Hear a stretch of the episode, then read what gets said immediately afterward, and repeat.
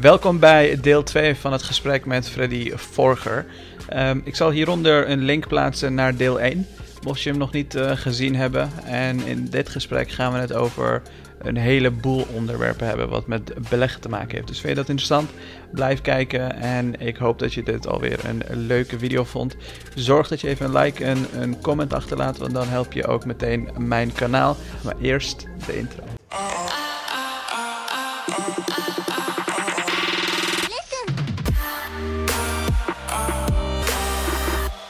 Nou ja, voor vermogensbehoud en vermogensgroei, maar wel groei uh, die eigenlijk ja, feitelijk uit drie bouwblokken bestaat. Het tempo waarmee de wereld groeit, het tempo waarmee prijzen stijgen, hè, inflatie en de tussenwinstuitkeringen. Als je dat over de wereld gaat projecteren, dan zijn dat uh, premies ten opzichte van geen risico nemen van ongeveer 4, 5 procent extra aangezien geen risico nemen uh, momenteel nul is, of een kleine min, kan je nu, naar onze mening, ongeveer 4, 5% uh, rendement verwachten op aandelen. Nou ja, als de inflatie 1,5, 2% is, dan stijgt voor iemand die 100% in aandelen zit, groeit zijn vermogen hè, na inflatie ook nog steeds met 3%. De vraag is, kan jij door te speculeren veel meer daar uithalen? Nou ja, ik denk dat naarmate het vermogen uh, uh, toeneemt, waardoor er ook uit de, ja, waarschijnlijk toch meer gespreid gaat worden. Jij hebt het net over Tesla, waar je al met een behoorlijk groot bedrag in zit. Maar als je, naarmate het bedrag groter wordt, zal waarschijnlijk ook het besef komen van misschien moet ik naast Tesla nog, nog, iets anders kopen. nou ja, dan krijg je al, als het bedrag heel groot wordt, hè, een pensioenfonds, ja, die gaat niet alles op Tesla zetten. Maar die gaat zoveel spreiden dat per saldo zit hij eigenlijk bijna zoals de markt zit. Nou ja, dan kan je net zo goed de markt tegen extreem lage kosten kopen. Kijk, waar onze industrie heel goed in is, is marketing. Dus elke zoveel jaar komt er een nieuw trucje waarmee de particulier weer naar binnen wordt gehengeld. dus een internetbubbel, oh je moet internetaandelen hebben. He, stockpicking is het helemaal, ga daytraden. Nou, op een gegeven moment uh, werd het factor, factor beleggen? Hè? Nee, er zijn een aantal factoren zoals eh, waardeaandelen. Uh, daar moet je volop inzetten, want dan verdien je meer dan de markt. Allemaal om maar proberen hè, producten die er daarop gebouwd zijn aan de man te kunnen slijten. Nou, op een gegeven moment kwam, zeg maar, dat is natuurlijk al hè, in de tijd van uh, Jack Bogle en eigenlijk daarvoor al, in de jaren 60, hè, kwamen al wetenschappers erachter, joh, koop nou gewoon simpelweg de hele markt. Dan doe je het gewoon genomen het best de industrie zag op een gegeven moment door data van ja, hè, een actief fonds wat probeert meer rendementen op, op te strijken dan iemand die simpelweg alle aandelen van de AIX koopt. Hè, dus een AIX, een actief belegd AIX-fonds. Data laat zien, het rendement was structureel lager dan simpelweg de AIX te kopen. Dus kwamen de partijen die zeiden: oké, dan gaan wij fondsen bouwen. Die noemen we dan trackers of ETF's. Eh, waarbij wij simpelweg de inhoud van de index kopen en niks meer doen. Dat noemen we dan ook nog passief. Wat eigenlijk een hele rare term is, zelfs een beetje negatief. Hè? Ik bedoel, ik ken weinig industrie. Ja, hè?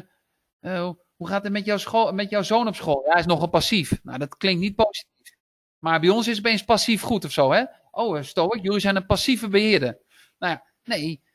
Kijk, passief of actief is een heel raar iets. Want het probleem is nu dat mensen denken dat als ze een ETF kopen, dat ze goed bezig zijn, omdat ze de markt volgen. Maar als je een ETF koopt op de AEX, mis je de helft van de wereld. Mis, je, mis jij, mis jij uh, 10.975 andere bedrijven. Je kan een ETF kopen eh, op, op marihuana aandelen, op, op, op auto aandelen.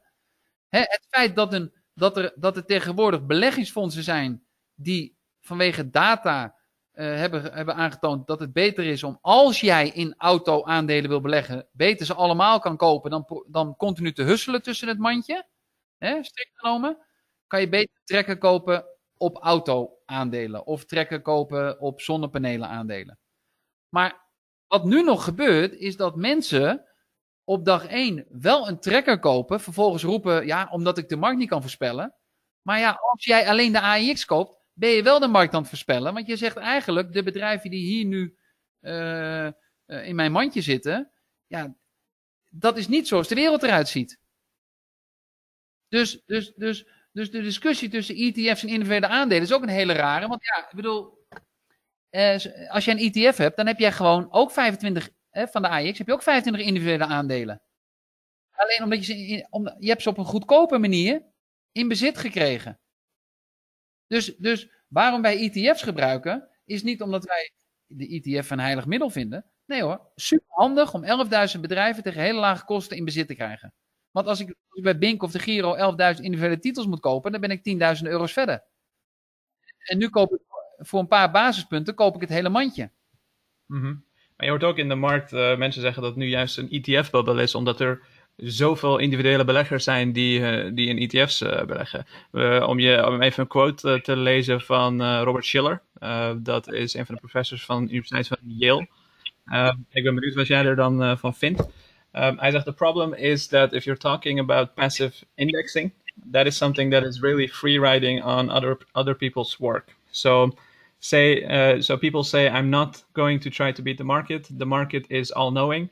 But how can how in the world can the market be all knowing is if nobody's trying? Well, not as many people uh, are trying to beat it. Dus wat hij eigenlijk daarin zegt is dat de enige reden dat de markt efficiënt is geweest tot nu toe, of in ieder geval is geweest überhaupt, is dat er mensen zijn geweest die individuele aandelen beoordelen, daarin beleggen en niet uh, eigenlijk blind hun geld in ETF's gooien in de hoop dat dat markt dan natuurlijk uh, omhoog gaat. Want dan krijg je dan een, of in ieder geval dan krijg je een bubbel en dan krijg je heel veel mensen die niet weten waar ze in belegd hebben. Kijk, sowieso, sowieso ook in de terminologie is het allemaal weer en ik weet niet wie dat verzint en met wat voor belangen ze hebben. Ik denk dat sowieso de actieve fondsindustrie heel erg bang is dat, ze, hè, dat ze, de snoeppot wordt weggehaald. Dus, dus die zullen met alle kracht terugvechten. Maar hoe kan je spreken van een bubbel? Wat maakt het nou uit of dat ik 11.000 aandelen in een wit boodschappentasje koop? Of alle 11.000 individueel? Wat maakt dat uit? Ik bedoel, als, als morgen ETF stoppen en ik, en ik vind nog steeds als belegger dat ik de markt niet kan verslaan. Ik wil alle aandelen hebben en ik koop ze alle 11.000 individueel. Is toch exact hetzelfde effect of ik een ETF koop of het gewoon handmatig één voor één doe. Maar wat is daar een bubbel aan? Wat is dat? Ik bedoel, vroeger had je futures. Hè? Dus in plaats van AX te kopen, kocht je de future. Lekker makkelijk en goedkoop. Nou ja, kijk, wat ze eigenlijk zeggen is, hè, even om eh, jouw mandjestheorie te gebruiken. Is stel de hele wereld zou blindelings mandjes kopen. Zonder dat er iemand is kijk, kijk, van, oh, laat ik die rotte appel eruit halen en die rotte appel eruit halen en die, uh, weet je wel. Maar Robert Schiller moet gewoon dankbaar zijn blijkbaar, want straks is hij de enige die kan handelen. Dus, dus bedoel, je hoeft niet mee te doen. Dus als het goed is, als zijn theorie klopt, zullen, zullen er straks een aantal beleggers schat hemeltje rijk worden, ten koste van die 99% dommelingen. Kijk, kijk, maar Robert. Schiller zegt ook tegelijkertijd, eigenlijk helpt hij jullie theorie denk ik ook, uh, wat ETF's, uh, eh, of als het op indexbeleggen aankomt en ETF's. Want wat hij ook eigenlijk zegt, is dat er heel veel mensen zijn die gewoon hun eigen emoties niet onder controle hebben. Dus of je nou in een index belegt uh, als individuele belegger of in individuele aandelen, dat maakt op zich niet uit. Want je, je emoties, die ben je niet de baas en daardoor verlies je over het algemeen geld. Ja, nou kijk, kijk om maar over vermogensbeheerders te praten. Nou, dus, dus, dus twee dingen. Eén, ja, inderdaad, als iedereen het gaat doen Mhm. Maar het interessante is, wat wij nu zien, is dat wel steeds meer mensen besluiten om ETF's te kopen. Maar wij zien bijvoorbeeld nog heel. Ik bedoel, niet iedereen koopt simpelweg de MSCI All Country. Want er zijn toch beheerders die zeggen van ja, nee, maar ik koop toch wat meer value ETF's. Of ik koop wat meer Europese ETF's. Of ik koop wat meer op dit of dat. Dus, dus alleen al doordat zij andere ETF's kopen, hou je handel. dus, dus inderdaad, als straks iedereen allemaal dezelfde bedrijven koopt.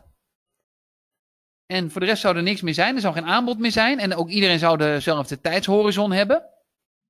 Ja, dan gebeurt er even niks. Ja, dat vind ik, ja, weet je. Ik bedoel, ik zou bijna zeggen als econoom. Nou, laten we daar snel naartoe gaan. dat speelt in ieder geval uh, in de wereld miljarden aan handelskosten en allerlei onnodige fees die uh, nu verdwijnen in de zakken van industrie.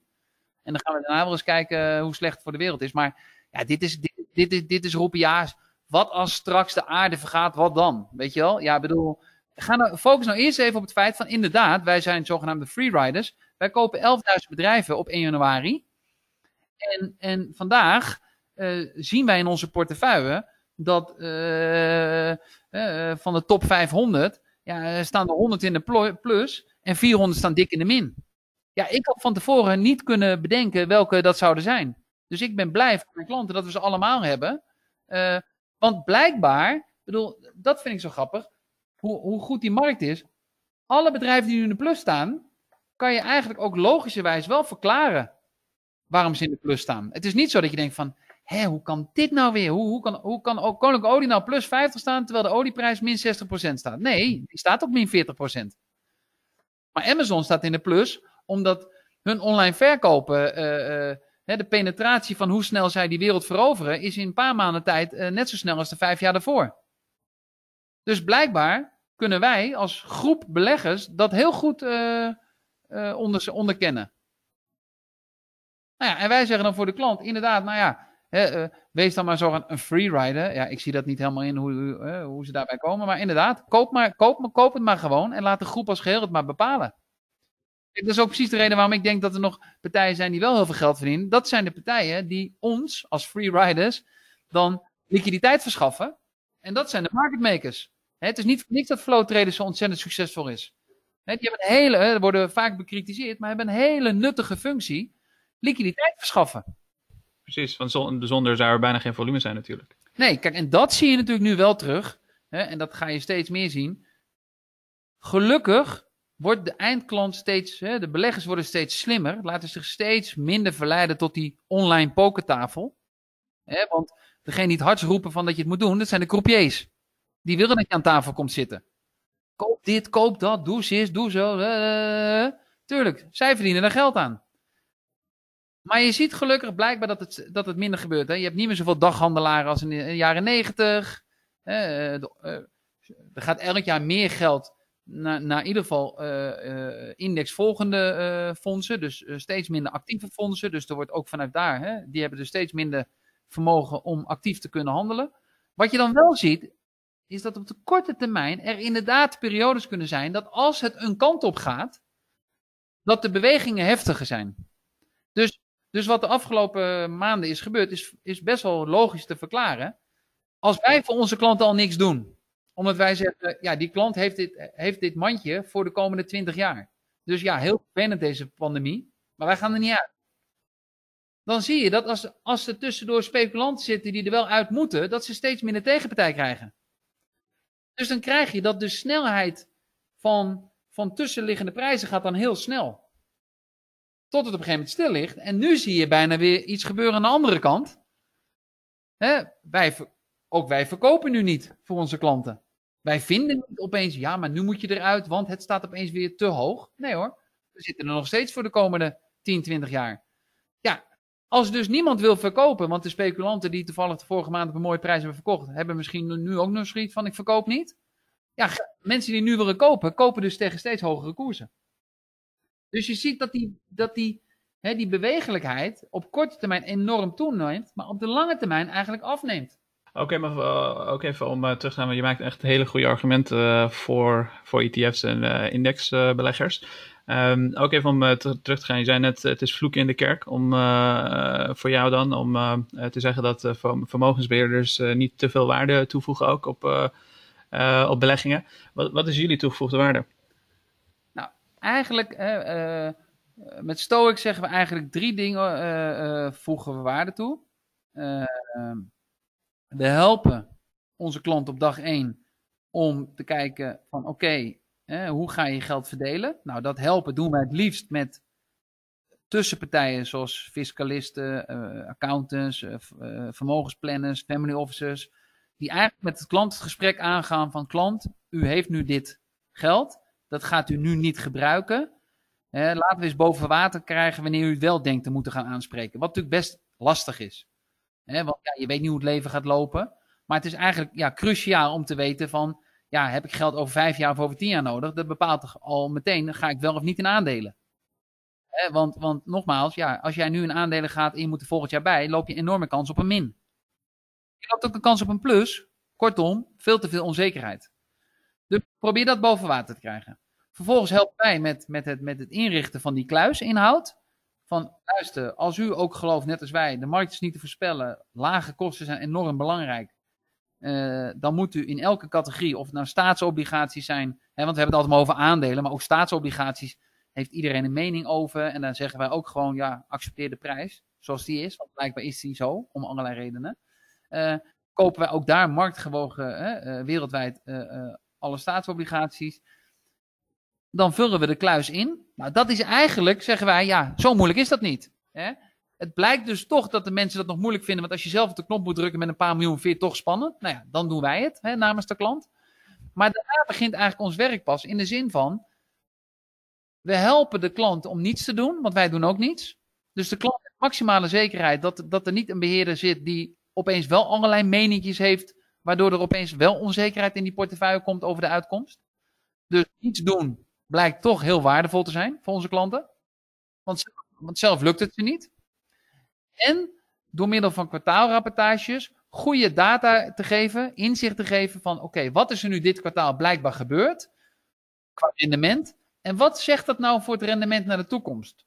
Door eigenlijk op die feiten in te zoomen, help je je klant om te kijken de verdeling van jouw vermogen zoals die nu is, gegeven wat je redelijkwijs naar de toekomst toe kan verwachten, is deze verdeling nog passend bij uw leven?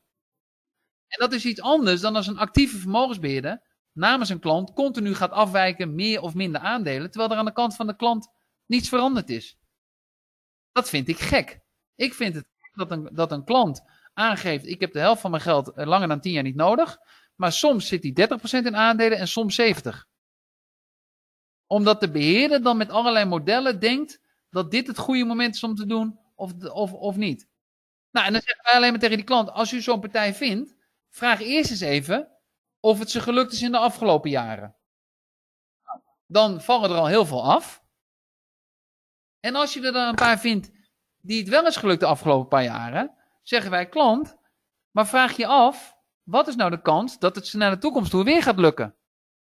Want dat laat data ook zien. Hè? De beste jongens van de klas van de afgelopen tien jaar waren daarna weer de slechtste tien. Dus, dus om al die onzekerheden eruit te filteren, zeggen wij: iedereen zou de verstandig gaan doen om passend bij zijn uh, uh, looptijden zijn geld volgens al die marktgewogen indices uh, te stallen. En het enige waar onze klanten de luxe van hebben, is als ze een groot vermogen hebben, zijn onze kosten in combinatie met een stukje kostenvoordeel, omdat wij die indexfondsen wat goedkoper kunnen kopen, omdat we met grotere bedragen het doen, zijn onze kosten dermate laag dat het ze eigenlijk niet zoveel scheelt ten opzichte van het zelf doen. Dus wij zeggen ook tegen mensen, ook tegen jouw luisteraar, als die zouden zeggen, maar ik wil weten welk fonds zij kopen. Nou, alsjeblieft, dit is de e-code. Ga het zelf met met, met, met, met 100.000 euro, wat heel veel geld is, maar als wij al 1000 euro vaste kosten rekenen, waardoor je al 1% per jaar kwijt bent aan ons, zeggen wij, dat is zonde van je geld. Maar als je een miljoen hebt en het kost je misschien 0,1% meer dan het zelf te doen, dan kan je zeggen, nou ja, ik vind het wel fijn en voor mezelf uh, een stuk bescherming. Ik neem ook erbij als toezichthouder. En dat is ook waarom wij met de term Calm Capital Control hebben gelanceerd. Eh, we zijn ook een paar weken geleden met een tv-commercial op tv geweest. We willen eigenlijk zeggen, je hebt vermogensbeheerders, prima. Zit er goede bij, zit er slechte bij. Overigens, en dat is wel, wel interessant. Als je je geld zou onderbrengen bij alle vermogensbeheerders bij Nederland, dan zou je nog steeds beter af zijn natuurlijk dan een spaarrekening. Hè? Dus dat laat al wel zien, in de markt zitten is, is nog steeds belangrijker dan niks doen. Hè? Maar, maar ja, als je het echt zo efficiënt mogelijk zou willen doen, zouden wij zeggen: koop, koop gewoon marktgewogen indices tegen zo laag mogelijk kosten. En als het bedrag groot genoeg is, nou ja, dan heb je de luxe om, om Stoic er toe te voegen als toezichthouder. Maar van allerlei spannende dingen die wij uh, ja, beter kunnen voorspellen dan, dan jijzelf. Ja, precies. Dus echt uh, um, op basis van cijfers en data en zorg dat je emoties uitschakelt, halen jullie de Ehm, rendementen die eigenlijk eh, iedereen zou kunnen halen als ze dezelfde index zouden kopen. Nou ja, kijk maar naar dit jaar. Ik bedoel, ja, ik, bedoel, ik, ik eh, ja, ik, had, ik had dit ook niet verwacht. Ik bedoel, ik wist al niet dat de pandemie zou aankomen. En, en, en ons neutrale profiel, hè, dus Stoic 50, 50% aandelen, 50% overige categorieën, staat nu bijna, bijna weer op nul. Ja, heel goed. Nou ja, heel goed. Ik bedoel, ja, we hebben er niks aan gedaan. Maar hè, eh, behalve herbalanceren, want dat is dan het enige wat we nog wel doen. Hè, dus, dus zorgen dat die 50-50, 50-50 blijft in alle tijden. Dus af en toe mag je hè, een bepaalde categorie bijkopen, die is afgestraft ten opzichte van de andere, die is gestegen. Niet omdat je er wat van vindt, maar omdat je nou eenmaal in balans moet blijven qua, hè, qua hoeveel procent je in elke categorie zit. Maar ja, dit had denk ik bijna niemand verwacht. Maar om aan te geven, ja, weet je, je hebt dus als, als klant bij een beheerder het risico gelopen dat hij te veel in aandelen zat vlak voor de pandemie. Nou, met een beetje pech is hij zelf gepanikeerd op dieptepunt en heeft hij nog wat aandelen verkocht om maar het risico te mijden. En achteraf staan we weer op hetzelfde niveau. En wij kijken naar data van de slimste partijen. Daar had ik ook in een laatste LinkedIn-post een keer wat op gezet over Transtrend, een van de grootste Nederlandse hedgefunds. Met allerlei uh, doctoranden en dokters in allerlei studiege studiegebieden. Al tien jaar lang lukt het ze niet om de MSCI Country te verslaan. En dat zijn de slimste jongetjes van de klas. Ja, en dan vraag je af wat de toegevoegde waarde van zo'n fonds natuurlijk is ook. Nou ja, je moet je ook afvragen als particulier, van, als je aan het handelen bent, ben ik dan wel zoveel slimmer dan die hele groep? Of als ik een keer een goed aandeel heb te pakken, heb ik niet gewoon een beetje mazzel gehad? Kijk, aan een uh, roulette tafel kan je ook geluk hebben. Hè? En een kapotte klok heeft ook twee keer per dag gelijk. Ja, het kan ook mazzel zijn. Ja, maar kan je het over de jaren heen continu structureel en consistent? Dat is natuurlijk de, de vraag. Ja, en wij zeggen dan tegen onze klanten, doe het dan zelf. Want de kans dat jij het goed kan, is net zo groot als dat de beheerder het goed kan. Maar als het dan fout gaat, dan kan je lekker jezelf in de spiegel aankijken. In plaats van uh, het verhaal aan te horen van die beheerder om wat voor reden het dan allemaal wel niet gelukt was. Ja, ja precies. En mensen kunnen natuurlijk al die dingen ook op jullie uh, website vinden. Ja, nou ja, er staat, eh, wij zijn ook heel transparant in op onze website. Wij staat ook letterlijk, ja, eh, eh, kunt u het zelf? Ja. Alleen één ding voegen wij echt waarde toe. En dat klinkt, ja, dat is voor sommigen best een beetje wennen misschien. Door toch die buffer te zijn tussen die hè, simpele indexfondsen en, en, en de emoties van de klant. Ja, dat is gewoon heel waardevol. Wij hebben ook, wij, hebben natuurlijk veel klanten die, die we eigenlijk op dag één hiermee opvoeden. Dus ja, eh, wij zien toch wel heel weinig uh, klanten die onrustig werden, ondanks dat het zo hard daalde. Maar die paar klanten die toch onrustig werden, ja, die konden we toch op basis van feiten. En ja, het is eenmaal zo, des te meer inzicht je verschaft, des te meer de emoties naar de achtergrond kunnen. Op basis van feiten konden we uitleggen waarom datgene wat ze wilden gaan doen niet verstandig was. En nou, dan achteraf is het toch weer fijn hè, dat die mensen. Uh, we hebben ook niet gezegd tegen mensen: je moet nu kopen, want het is laag. Want ja, dan zouden we weer gaan voorspellen. we hebben alleen maar gezegd tegen mensen toen het daalde. Is er vermogen wat nog steeds een lange looptijd heeft, wat nog niet in de markt zit, maar eigenlijk al in de markt had moeten zijn? Nou, u heeft mazzel dat het gedaald is. Dus overweeg toch nog een keer om nu in te stappen. Niet omdat het nu goedkoop is, maar één ding weten we wel: het is lager dan, dan vier maanden ervoor. En toen had u eigenlijk ook al moeten instappen. Ja, ja, precies. En stoic.money is natuurlijk jullie website. Daar kan, kan iedereen uh, alles uh, vinden. Stoic.money, dus niet .nl. Nee. Um, wat zou je als laatste tip uh, afrondend ook meegeven aan iemand die besluit om precies dezelfde index als jullie te kopen? Misschien wel wat meer betaald dan, dan als ze het via jullie zouden doen. Maar wat zou je als tip mee willen geven om hun eigen emoties onder controle te houden? Nee, kijk, ik, ik, ik, ik, ik zou, ik zou hè, dat zeg ik eigenlijk ook tegen veel van mijn collega's die hier de hele dag druk mee zijn. Want we hebben een industrie waar heel veel slimme mensen zitten. En wat eigenlijk doodzonde is. Hè, er gaat ontzettend veel hersencapaciteit verloren aan iets wat helemaal geen zin heeft. Ik roep ook jonge studenten op, alsjeblieft, laat je niet verblinden doordat je denkt van, oh wat leuk. Kijk, jij begon deze podcast met een hele goede opmerking, weet je wel, hobby. Ja, kijk, als dit je hobby is, hartstikke leuk. Een hobby mag ook geld kosten. Dus als het je hobby is om een beetje hè, eh, eh, eh, te spitten in Tesla. En hartstikke leuk. En, en, en nou soms kan een hobby ook nog heel lonend zijn.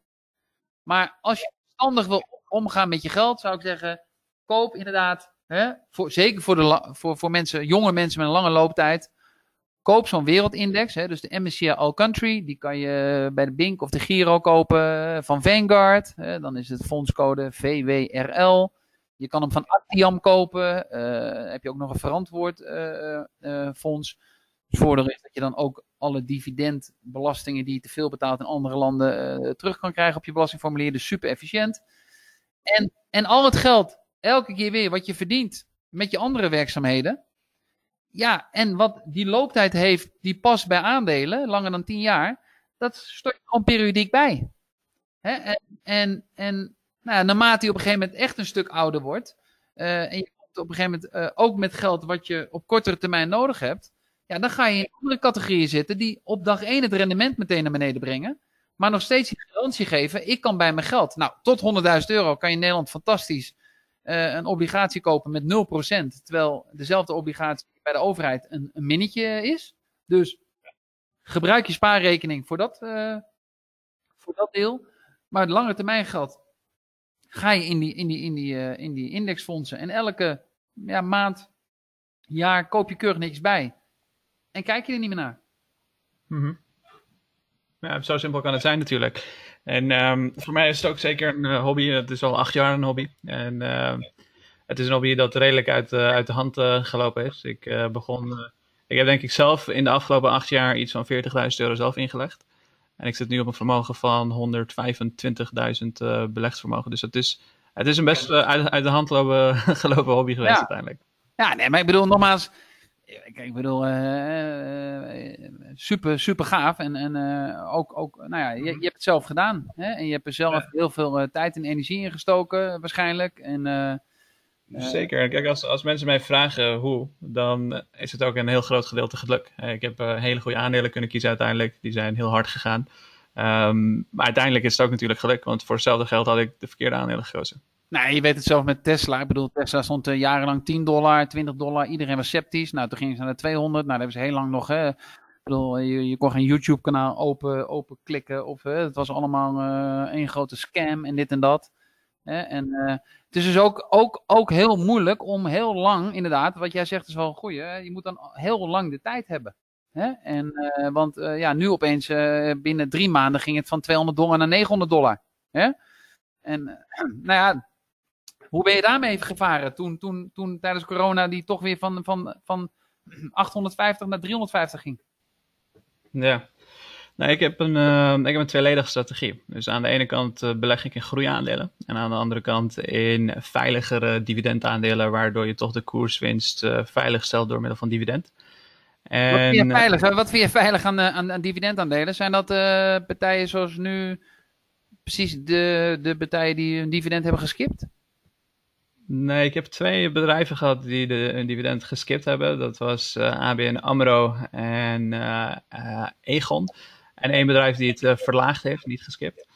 Um, jij vindt, jij vindt ABN AMRO en Egon, vind jij, ja, we kunnen denk ik hier nog, ja. nog drie uur aan uh, besteden aan deze podcast. Maar jij vindt dat veilige bedrijven? Ik vind dat redelijk veilige bedrijven. Dus um, jij vindt, jij vindt een, een beleggingsclub die vijf keer zoveel geld belegt dan het ze zelf hebben? Ja.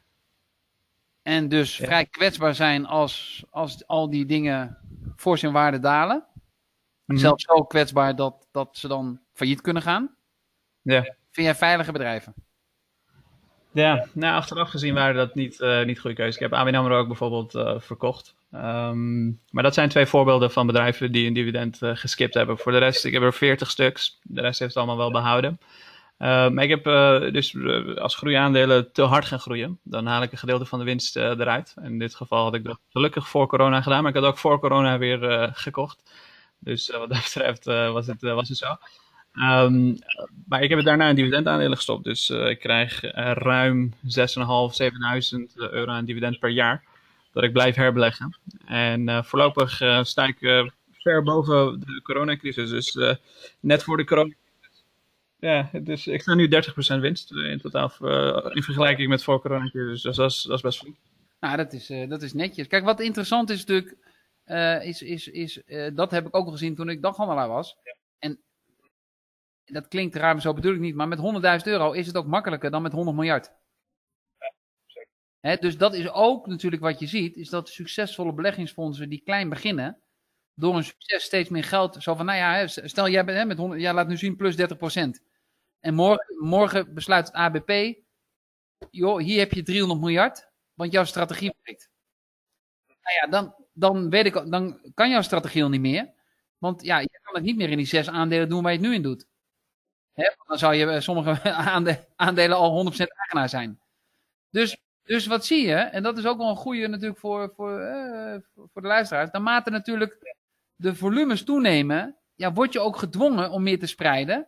En doordat je meer gaat spreiden, ja, koop, je, koop je de markt. Ja, koop het dan maar weer zo goedkoop mogelijk. Dus, dus ja, inderdaad, uh, met, met, met relatief kleine vermogens kan je er tussendoor laveren. En als je dan, zoals jij, uh, veel kennis, kunde en misschien een beetje geluk hebt, dan zit je in de plus. En ik denk dat er nu ook uh, ja, mensen zitten die, die min 30 hebben. En, en, en kijk, ik kan jou alleen maar de disclaimer geven, pas op met dividendaandelen, hè, net als in 2008. Soms kan het zijn dat het dividend elke dag hoger wordt maar niet omdat het bedrijf beter gaat, maar omdat de koers zakt. Ja. Dus, ja, kijk naar Boeing bijvoorbeeld, hè, een schoolvoorbeeld daarvan. Ja, maar ja, goed, kijk nogmaals, ja, financiële instellingen, eh, ik bedoel, ja, eh, het blijft toch tricky. Hè? We hebben het ook gezien uh, aan de Rabo-ledencertificaten. Dat is, denk ik, misschien voor jouw luisteraars minder, maar de, de, oudere, de oudere luisteraars, die, en, die zijn best wel vaak daar naartoe gestuurd van, hey, kijk eens, 6,5%, hoe mooi is dat? Maar ja, dit jaar werd, het, werd, werd de uitbetaling uitgesteld. En, en verloor je 40% op dat certificaat. Ja, dan, dan, dan ben je dus wel in. Hè, andersom ben je natuurlijk in één jaar ben je gewoon uh, zes jaar dividend kwijt. Ja, precies. Maar uiteindelijk zijn er meerdere wegen naar Rome. Het is maar net wat, je, wat bij je past. Ehm, ik vind het ook belangrijk tijdens dit soort shows dat ik natuurlijk niet alleen mijn visie met mijn leden, met de community leden deel. Want er zijn natuurlijk honderden andere visies die net zo succesvol of succesvoller zijn dan ik. Dus ik vind het belangrijk dat ze op die manier ook uh, goed uh, op de hoogte zijn van alles natuurlijk. Nou ja, misschien is dat een mooie afsluiten voor, uh, voor meneer Robert Schiller. Hè? aangezien jij al een hele grote schare luisteraars hebt die waarschijnlijk ook actief beleggen. Dan zie, je, dan zie je maar dat Robert Schiller nog niet bang hoeft te zijn dat de hele wereld het gaat doen zoals wij het doen. want, want de groep die het is nog steeds enorm groot. Ja, nou, ik denk sowieso dat individuele beleggers weinig uh, te zeggen hebben. Als je kijkt naar BlackRock, die 60% van de wereldeconomie uh, uh, in bezit heeft, bijna zowat. Ja, maar niet voor zichzelf. Kijk, dat is ook zoiets. BlackRock heeft het, bedoel, wij hebben BlackRock ETF's. Het is ons geld. Kijk, BlackRock, BlackRock biedt dat boodschappentasje aan, maar het is, dat is het geld van onze klanten. Dus BlackRock bezit niet 60% van de wereld. Nee, de mensen die een BlackRock fonds hebben gekocht, die hebben onderliggend, zijn ze eigenaar van al die bedrijven. Dus, dus ja, bedoel, ja, BlackRock is, is eigenlijk een doorgeefluik. Ja, maar toch is de impact van de individuele belegger bijna nul, zou je zeggen, toch? Nee, hoezo? Ik bedoel, ik denk dat de individuele belegger uh, enorme invloed heeft. Want ik denk dat bedoel, alle individuele beleggers, beleggers in de wereld bij elkaar. Ja, nogmaals, of jij nou individuele belegger bent, zoals jij, die zegt, nou ja, ik koop ING en ABN AMRO. Of ik besluit op dezelfde dag om uh, All Country te kopen en dus ook ING en ABN AMRO. Dan doen we toch op die dag allebei hetzelfde. We kopen toch allebei dat, dat aandeel. Er wordt soms gedaan dat de ene een beleggingsfonds is in een soort parallele wereld aan. Nee, als jij een beleggingsfonds koopt, onderliggend worden dus aandelen gekocht die uiteindelijk belanden in dat mandje. Dus, dus dus, dus, als, je, dus als ik morgen in paniek uh, de MSCI All Country verkoop, ja, dan verkoop ik ook Heineken. En, en dus zie je dus dat inderdaad eh, het zo kan zijn dat als ik ze alle 11.000 verkoop, ja, en we doen het allemaal tegelijk, ja, natuurlijk krijg je dan enorme koersdalingen. Maar zijn allemaal, allemaal hetzelfde. Hoeveel beheren jullie op het, uh, op het moment? Wij beheren 350 miljoen. En we zijn dus uh, ja, in, zeg maar, ja, het is ontzettend veel geld, maar we zijn een kleine club ten opzichte van de, de, de bekendere wealth managements van Landschot, Mees Pearson. Maar we groeien hard en ja, we, hopen dat, wij zien in ieder geval dat steeds meer ja, families, ja, kijk, de data spreekt, spreekt voor ons, hè.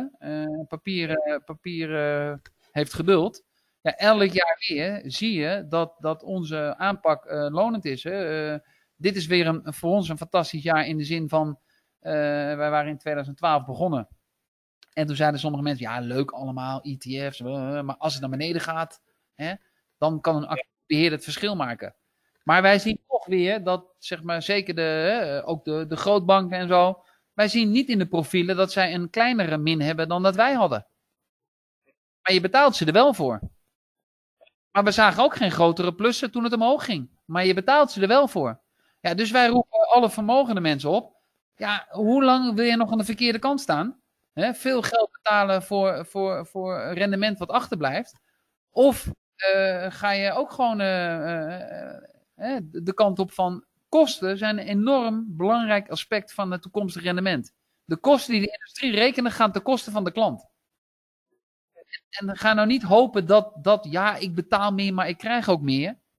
Het pijnlijk is, dat is niet, dat is niet waar. Sterker nog, het is andersom. Des meer je betaalt, des te groter is de kans dat je steeds minder krijgt. Ja, ik heb, uh, ik heb wel eens een berekening gedaan op de site met... Uh, stel je zou uh, 7% rendement halen in plaats van... Uh, of 6% halen in plaats van 7, omdat je die 1% aan kosten maakt. En je hebt gewoon een belegd vermogen van, laten we zeggen, 100.000. Dan zou je over een hele lange periode zou je zomaar 50, 60.000 euro kunnen kosten. Dat is de helft van je inleg. Kijk, en nog erger, kijk, wat, wat, natuurlijk, wat natuurlijk heel lang is verkondigd als, ach, joh, het is maar een procentverschil, wat maakt het uit? Maar stel nu hè, dat, dat, dat aandelen gemiddeld genomen 5% gaan maken vanaf nu. Hè, en dat is op zich niet gek gegeven eh, dat de rente op nul staat. En, en, en aan de andere kant haal je misschien nog maar een half procent op die renteproducten. Dus iemand die dan eh, voor 50% in aandelen zit, hè, wat ze in noemen een neutraal profiel, en voor 50% in het andere spul, die kan misschien voor kosten 2,75% rendement maken de komende 10 jaar. Wat overigens nog steeds 2,75% meer is dan nul. Dus nog steeds zo aantrekkelijk als 10 jaar geleden, want toen kreeg je 4 op de bank en misschien 6,75 op zo'n neutraal profiel, nog steeds 2,75% meer. Maar als ze 20% meer aan kosten komt, betekent dat er nu, nu, en die zijn er, mensen zijn die momenteel de helft van het toekomstige rendement op voorhand al afdragen aan de beheerder. Ja, dus dan lijkt het, ach, het is maar een procent. Nee, het is de helft van uw toekomstig rendement. Ja, dat kan je ontzettend veel schelen. En, ehm, ja. Vertel. Nee, nee, nee, ik wilde zeggen dat is bizar. Dus dat is ook, hè, dat is wat mensen, waar mensen gewoon best wel gemakkelijk overheen kijken. Hè, van, mhm. het is maar een procent. Maar wat jij zegt, hè, uh, ook bij onze klanten, ja, uh, een procent over een miljoen is 10.000 euro. Maar dat 20 mhm. jaar lang is niet alleen 20 keer 10.000 euro, maar het is ook 20 jaar lang steeds met 10.000 euro minder die 5% of 2% rendement maken. Dus, Precies, en dan heb je het nog niet eens gehad over inflatie en rendement, uh, of uh, rendementheffing, vermogensheffing. Nee, maar dat is, uh, dat is natuurlijk iets wat buiten ieder, ja, daar kunnen we allemaal niks aan doen, dat is een gegeven. Hè? Maar, maar de kosten. Dat is ook weer 3% geloof ik in totaal per jaar, toch? Ja, nou ja, dus wat je dus natuurlijk wel ziet, is natuurlijk dat, er, hè, dat, dat aan de ene kant natuurlijk klanten die zo verstandig zijn om hun geld in aandelen te stoppen, puur om om het geld uh, waarde vast te houden. Omdat aan de andere kant steeds meer briefjes worden bijgedrukt, waardoor geld minder waard wordt. Je natuurlijk aan de andere kant, hè, gelukkig doen ze dat zodat het vermogen in stand wordt gehouden. Maar ja, ze krijgen wel natuurlijk een, een, eh, een ja, een belastingaanslag. Doordat dat vermogen belast wordt. En nou ja, dat is ook een klein beetje natuurlijk om toch te proberen om het allemaal wat eerlijk te houden in de wereld. En terecht. Ik bedoel, eh, als individu is dat natuurlijk misschien leuk, maar ja, het is natuurlijk wel ook belangrijk, gewoon eh, sociaal gezien, is het wel belangrijk dat, dat het gat tussen degene die heel veel hebben en niks hebben niet te groot wordt. Want ja, daar wordt de wereld ook niet beter van. En dat is wel iets wat ik dan wel iedereen zou oproepen. Als je spaargeld hebt, waar je niks mee hoeft te doen, Sparen is goed, maar doe het alsjeblieft in aandelen. En wij zouden zeggen, doe het dan in, in zo'n wereldwijde index, om, omdat je dan af bent van allerlei gedoe en het kan heel goedkoop. Ja, duidelijk. Dankjewel Freddy. Ja, nou ja, bedankt, uh, bedankt uh, dat, ik, uh, dat ik in je show mocht, mocht zijn. Ik hoop dat de luisteraar... Het was een lang verhaal. Ik hoop dat het niet te saai is. Nee, ik denk het niet. Ik denk mensen die hier naar kijken, die vinden beleggen geweldig. En die kijken ook graag naar heel veel verschillende denkbeelden. Dus bedankt dat je dat wilt delen. Ik...